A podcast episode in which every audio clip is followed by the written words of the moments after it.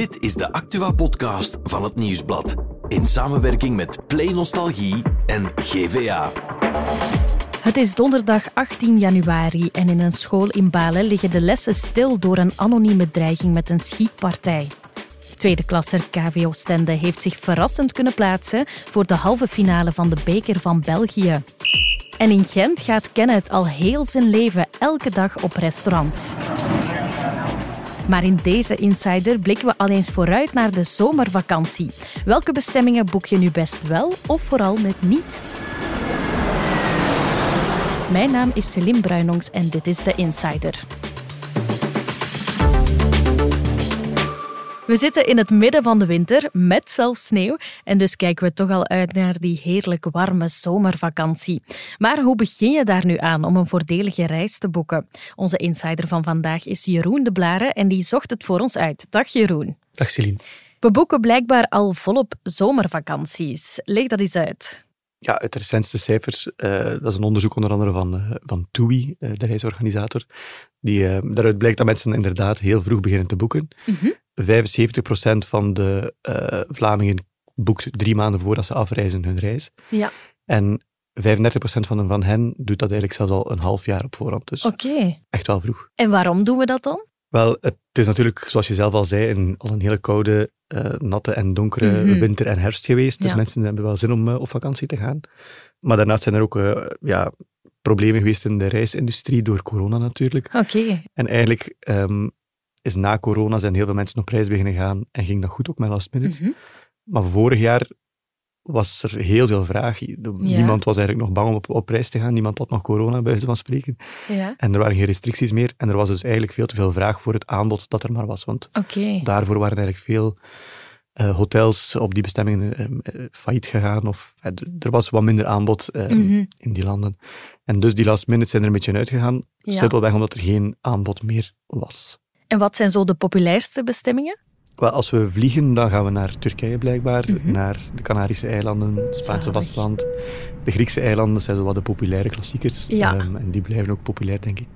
Als we met de auto op vakantie gaan, en dat is nieuws van, uh, van TUI van vandaag, dan kiezen we blijkbaar meer voor Oostenrijk. Oké. Okay. de sterkste stijger. Ja.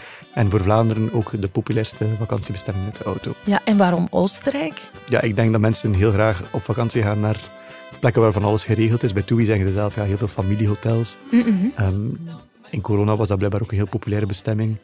En dat is populairder blijven worden, dus daarom kiezen ja. we daarvoor. En is het misschien ook omdat mensen bang zijn voor hittegolven of zo in het zuiden van Frankrijk? Of? Ja, daar kan ik me eigenlijk ook wel iets bij voorstellen, dat, die, dat het klimaat wel een rol speelt. Um, ja. We zijn bijvoorbeeld zelf ook naar Frankrijk geweest vorig jaar. Mm -hmm. En hebben daar heel warm gehad. Ja, goed van, gezweet. ja, van Oostenrijk heb ik dat eigenlijk heel zelden gehoord, dat mensen terugkomen op vakantie, ja. van vakantie en zeggen, oh, het was daar zo warm. Ja. Um, dus misschien speelt dat wel mee in de hoofden. Maar het is niet echt dat we bijvoorbeeld nu zien dat de mensen massaal naar het hoge noorden trekken.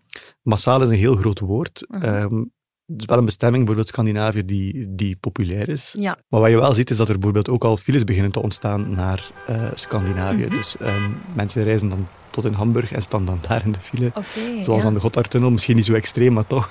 Ja. um, want VAB, die, uh, de, de mobiliteitsorganisatie, mm -hmm. um, die geeft elk jaar een soort van barometer uh, met de zwarte weekends uit. En die waarschuwde vorig jaar al voor Hamburg dat je daar soms ook wel wat kan aanschuiven. Oké, okay, ook niet ideaal. Uh, nee, maar op zich blijft dat natuurlijk een klein, Ja. een klein deeltje van de mensen die op reis gaan. Ja, en een andere populaire bestemming naar de zon dan is Egypte. Mhm. Nu ja, dat ligt vlak naast Gaza, dicht bij het conflict daar. Mhm. Is dat dan nu minder populair? Uh, toen de oorlog uitbrak, is dat eigenlijk uh, wel de vrees geweest van, uh, Mhm. van de mensen in, in Egypte. Um, prijzen kelderden ook. Um, Oké. Je kon eigenlijk heel goedkoop naar Sharm el-Sheikh vliegen op een bepaald moment. Ja. Um, maar ja, nu dat de situatie daar uh, is zoals ze is, zijn die prijzen toch weer gestabiliseerd. Ja. Ik heb het zelf eens opgezocht en zo goedkoop leek me dat nu ook niet om Nee. deze zomer daar naartoe te vliegen. Dus ik denk dat het relatief zal meevallen, maar ik denk wel dat die mensen daar um, ja, wel vrezen dat er een impact zal zijn op, het, uh, op de sector. Ja. Oké, okay, ja, je hebt al veel goede tips gegeven en er komen er ook nog veel. Maar blijkbaar is het ook belangrijk om te kijken op welke dag je een reis boekt, een vliegtuigreis dan. En uh, onze vrolijke vrekken hebben dat ooit eens uitgezocht in hun podcast. We luisteren even naar een fragment. Hoe kan ik nu zo'n goedkoop ticket bemachtigen? Wanneer, wanneer moet ik boeken? Ja, dat is de, de grote vraag. Wanneer moet ik nu boeken? En uh, wat blijkt? Heel concreet, een woensdagochtend of gewoon op een dinsdag. Oeh, geschift, hè? Ja, blijkbaar de tickets in de goedkopere buckets, die worden telkens op, uh, op maandagochtend vrijgegeven. Ja. Nu, op maandag worden er heel weinig vliegtickets geboekt. Ja. Omdat de mensen, ja, het begin van de week of zoiets, mensen boeken geen tickets op een maandag. 24 uur na die maandag checkt dat systeem van er zijn amper tickets verkocht. Dus dan gaan die tickets nog een beetje zakken, volgens die dynamische prijzen. Dus het beste moment is eigenlijk gedurende dinsdag of woensdagochtend. Oké, we zetten allemaal al zeker ons alarm om dinsdagavond onze zomervakantie te boeken. Ja, en als we dan toch de vrekkige tour opgaan, dan kunnen we misschien Ja. nog eventjes iets zeggen over bestemmingen. Als je dus die autovakanties neemt in Oostenrijk, Mhm. dan betaal je blijkbaar gemiddeld 714 euro per persoon. Slovenië is bijna 200 euro goedkoper, Amai, met 494 euro per persoon. dat is interessant. Dus daar kunnen die vrekken misschien wel naartoe dan dit jaar. En is het eigenlijk wel zo interessant om zo vroeg al te boeken? Ja, absoluut. Iedereen die ik voor dit stuk gebeld heb, ehm, Mhm. dat ik in de krant heb geschreven, ja, die bevestigen ook het enige waar je eigenlijk zeker van bent, is de prijs vandaag. Ja, En er zijn eigenlijk weinig redenen om aan te nemen dat het de komende maanden nog veel goedkoper zou worden. Bijvoorbeeld voor Mhm. vliegen dan. Ehm, brandstof is een groot onderdeel van de het, eh, vliegticketprijs. Ja. Er zijn wat spanningen in het Midden-Oosten, dat is geen geheim. ja, De kans dat die prijzen van olie stijgen, is waarschijnlijker dan dat ze zullen dalen. ja. Als het gaat om eh, prijsstijgingen qua vluchten, ja, dan mag je natuurlijk niet vergeten dat het al 30% duurder is geworden sinds corona om te vliegen. Mhm. Dat wil zeggen dat vliegen vrij duur is. Als het dan een beetje goedkoper wordt, is dat leuk, maar dat is natuurlijk niet gigantisch goedkoop of spotprijzen of zo. ja. Wat vliegtickets betreft zijn er nog een paar zaken die misschien interessant zijn. Naar het oosten vliegen zou een beetje goedkoper kunnen worden, Oké. Ehm, omdat de lijnen waar dat er veel concurrentie is, vaak goedkoper zijn. Ja. En dus naar het oosten vliegen, ja, daar, daar zijn ze nu bezig met extra eh, toestellen op in te zetten. ja, En dus wordt er verwacht dat dat misschien 3 à 4 procent goedkoper zou kunnen worden. interessant. Dat ga ik in de gaten houden. Ja. en daarnaast, omdat die, die touroperators graag vroeg hun Mhm. reizen verkopen, geven die natuurlijk ook veel korting. Ehm, Ja. Bij veel organisaties gaat dat tot 500 euro. Er zijn ook extra voordelen. Je kinderen kunnen gratis op mee, mee op reis. Mhm. Het toont wel de moeite om dat nu te doen. Ja, je had het over die last minute. Klopt het dat de sector daar eigenlijk vanaf wil? Dat is wat sommige experten mij wel vertellen. Ja. Mhm. Ehm, het is eigenlijk een heel onhandig systeem. hè. Je, je hebt nog plaatsen open liggen waarvan dat je niet weet als ze gaan ingevuld worden. Ja. Moet je daar dan personeel voor voorzien of niet? Dat vraagt veel flexibiliteit. Mhm. Het is eigenlijk makkelijker om op voorhand je planning te maken en te weten, ehm eh, Celine of Jeroen komen op reis. Ja, We moeten daar zoveel mensen voor inzetten. Dat is veel gemakkelijker. Ehm, en dan hoef je ook die tickets op het einde niet meer zo goedkoop te verkopen. nu, de mensen willen graag goed voorbereid zijn. Ze boeken dan ook zo'n huurauto, voor als ze op hun bestemming aankomen. Mhm. Hoe zit het daarmee? Is dat ook veel duurder geworden?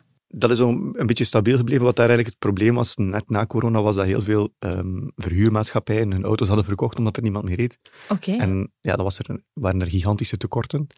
Die, Mhm. die wagens waren dan ook heel duur natuurlijk, omdat er ehm, ja, veel vraag was. Dat is zich nu aan het eh, zetten en een beetje aan het stabiliseren. Die maatschappijen Mhm. zien ook van, ah, oké, er zijn eigenlijk wel veel mensen die opnieuw met onze auto's willen rijden. Dus die vloten zijn weer uitgebreid. Ehm, natuurlijk, op de populaire bestemmingen blijft dat altijd een, Ja. eh, een- ja, hetzelfde, hetzelfde spelletje. Dus ook daar is het altijd handig als je vroeg kan boeken. En heb je nog een tip voor wie een huurauto wil boeken? Wel, wat ik bijvoorbeeld zelf al heb meegemaakt en wat wel leuk is, is als je goed, een goedkopere klasse boekt, Ja, dan kan je misschien wel een upgrade krijgen, omdat die, ja, die duurdere auto's worden wat minder vaak verhuurd. oké. En dan verhuren ze soms wat meer auto's in goedkope klasses. En dan kan het zijn, als die auto al weg is, dat je dan een iets duurdere auto krijgt. Als je natuurlijk op voorhand denkt van, ah, ik wil met die coole, coole bak rijden, dan kan Ja. je de upgrade niet meer krijgen, want je hebt hem al betaald. Ja, je zegt dat Frankrijk een van de populairdere bestemmingen is, maar er is wel een belangrijk event om rekening mee te houden hè, dit jaar. Ja, het zijn deze zomer Olympische Spelen in Parijs. Mhm. Ehm, dat is van 26 juli tot 11 augustus. Als Ja. je al eens met de wagen naar het zuiden bent gereden in de vakantie, dan weet je dat dan de drukke periode Ja. eh, valt. De Ehm, zwarte weekends eigenlijk. De zwarte weekends, de rode weekends, enfin, ehm, de lastige weekends. dus ja, als je over Parijs rijdt, dan ga je sowieso wel eh, er iets van merken. Mhm. En nog wel langer in de, in de file staan. En ik denk ook dat andere wegen, ja, uiteindelijk alle wegen rijden, eh, leiden naar Rome, zegt men. Ja. Dus ja, als het ergens anders vaststaat, dan kies je een andere weg. Dus het zal overal heel, heel, heel druk zijn, denk ik. Ja, Ehm, dus misschien best geen tussenstop maken daar? Of? ja, dat kan je doen, maar ook daar zou ik Parijs zelf en eigenlijk de hele ruime buurt van uh, Parijs proberen te vermijden. Mhm. Dat zeggen de mensen van VAB trouwens ook zelf. Ehm, de- die man zei me net, ik raad het niet af, maar let er toch voor op. Ja. dus het, eh, dat scheelt dan toch niet zoveel. Ja, het idee is ook dat er dat, eh, ja, hotels vol gaan zitten natuurlijk. Die Mhm. in centrum Parijs worden er nu al prijzen gevraagd tot eh, drie keer de originele prijs. Dus, Amai, en het was al duur. en Parijs is al duur, Ja. inderdaad. Dus ja, als je daar een nachtje wil slapen, gaat dat, gaat dat moeilijk worden. Ja. Als je een beetje voor Parijs of een beetje verder dan Parijs zit, dan ehm, is het misschien een ander verhaal. En er gaan dit jaar ook veel mensen, misschien voor het eerst, met de elektrische auto op reis. Mhm. Ja, waar moeten die vooral op letten? Ja, die zullen waarschijnlijk al op voorhand heel hard aan het letten zijn op een batterij en op een, Mhm. ehm, waar ze kunnen laden. Heel veel hotels eh, zetten zichzelf in de markt eh, tegenwoordig als bij ons kan je laden. Ja. Ehm, er bestaan ook speciale websites voor. Dat is heel goed uiteraard, want dan kan je slapen terwijl je laadt en dat is ideaal. Maar Mhm. ik zou wel eens polsen ook bij dat hotel om te weten hoeveel ze dan precies aanrekenen voor zo'n laadbeurt, want dat kan misschien wel een beetje duurder uitvallen. Die hotels doen dat Ja. natuurlijk niet gratis en ook niet zomaar. Dus, ehm, en vaak met laden is dat zo'n beetje vaag. Mhm. Eh, dan blijft dat zo wel vaag van, ja, ah, ja, ik kan hier laden en dan op het einde van de rit krijg je dan een rekening eh, gepresenteerd. Dus hou daar Ja. gewoon rekening mee dat dat, ehm, dat dat kan gebeuren. In het algemeen zegt men dat Frankrijk eigenlijk heel goed uitgerust is qua laadpalen. Mhm. En dat het in Spanje soms wat meer zoeken is. Dus op dat vlak kan je dan misschien ook nog iets beter voorbereiden als je naar, eh, naar Spanje vertrekt. Van ja, waar gaan we dan laden en hoe gaan we dat doen? Voor mij zal het ook de eerste keer zijn, dus ik, eh, Ja, heb jij je- al reisplannen eh, voor de zomer? Ja, we gaan alles doen wat eigenlijk niet mag eh, of wat afgeraden Ai. wordt. We gaan namelijk in die Olympische Spelen naar het zuiden van Frankrijk. Ehm, Jij zit hier tips te geven en dan ja, voor, het eerst met volg je een, ze zelf niet. voor het eerst met een elektrische auto en eh, met twee kindjes, dus we moeten een tussenstop maken. Ehm, Oké. Dus ik ben eigenlijk nog niet helemaal uit hoe ik het ga doen. Ja, Jeroen, probeer misschien toch je eigen tips te volgen. Hè? Niet overnachten in Parijs. Ja, ik ga nog eens opnieuw luisteren naar de podcast, denk ik. Dat is heel goed. Bedankt om ons warm te maken voor de zomervakantie. Ja, dat is heel graag gedaan. En er is ook nog ander nieuws en daarom is Nathalie erbij komen zitten. Dag Nathalie. Dag Celine. In een school in Balen zijn er voorlopig geen lessen omdat er een anonieme dreiging kwam over een aanslag. Wat is daar aan de hand? Ja, een anonieme post op TikTok. Daarin dreigde iemand om morgen met een pistool naar school te komen. En volgens de school was er de laatste weken ook al sprake van online pestgedrag in een klas. En daarom hebben ze dan maar beslist om alle lessen vandaag af te lassen. En weten we wie er gedreigd heeft met die aanslag? De politie zou al zeker één minderjarige hebben kunnen identificeren. Het gaat om een kind van ocharme 11 Amai, jaar. heel jong. Ja. Ja, maar omdat de dreiging dan geweken was, mochten de leerlingen in de loop van de dag al terug naar de campus voor opvang. Een verhaal dat waarschijnlijk nog wel een vervolg krijgt. Sowieso. En een opmerkelijke overwinning in het voetbal. KV Oostende heeft gesteund tegen RWDM. Ja, KV Oostende is een tweede klasser. En die kon eerste klasser RWDM verslaan met 2-0. Mooi. Ehm, dat is heel mooi. Alleen zit KV Oostende in financiële problemen. Het gaat Oei. daar echt niet goed. Dat is minder. En er is veel onduidelijkheid over de toekomst. Spelers worden niet goed uitbetaald en deze week kwamen er nog deurwaarders langs. Mhm. Maar ze hebben toch dus voor een klein mirakel kunnen zorgen in de beker van België. Ja, ze hebben zich ook geplaatst voor de halve finale. Mhm, waarin ze het gaan opnemen tegen OH Leuven of Antwerpen. Die gingen normaal ook gisteren spelen, maar door het winterweer werd hun match uitgesteld. Het wordt dus nog even afwachten wie hun tegenstander zal zijn. Oké, en dan nog interessant nieuws uit de regio uiteraard. Een opmerkelijk verhaal uit Gent, want Kenneth die eet al ruim een halve eeuw elke dag op restaurant. Ja, ik krijg er een hongertje van. Een droom gewoon. Amai, Kenneth Bouwman uit Gent. Hij wordt dit jaar 80, heeft nog nooit in zijn leven gekookt. Naar eigen zeggen heeft hij veel te veel werk, heeft er gewoon geen tijd voor. Tijdens zijn studententijd ging hij naar goedkopere studentenrestaurants, maar daar werkte hij als docent taalkunde en daarna als vertaler bij de Europese instellingen. En daar had hij dan altijd in het bedrijfsrestaurant of in de buurt. gezellig. En ja, dan vraag ik mij af, dat moet toch bakken geld kosten? Ja, maar hij beweert zelf dat hij nog altijd niet failliet is. Hij heeft geen kinderen en zijn vrouw is helaas overleden. Het Oei. enige waar hij nog geld aan uitgeeft is dus op restaurant gaan en zijn katten Zwartje en Aagje.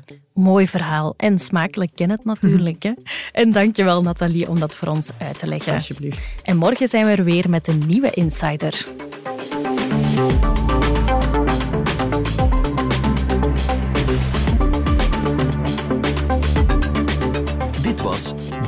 Insider, een podcast van het Nieuwsblad in samenwerking met Play Nostalgie en GVA. De muziek is van Pieter Santens. De montage gebeurde door House of Media. Wil je reageren? Mail naar podcast.nieuwsblad.be.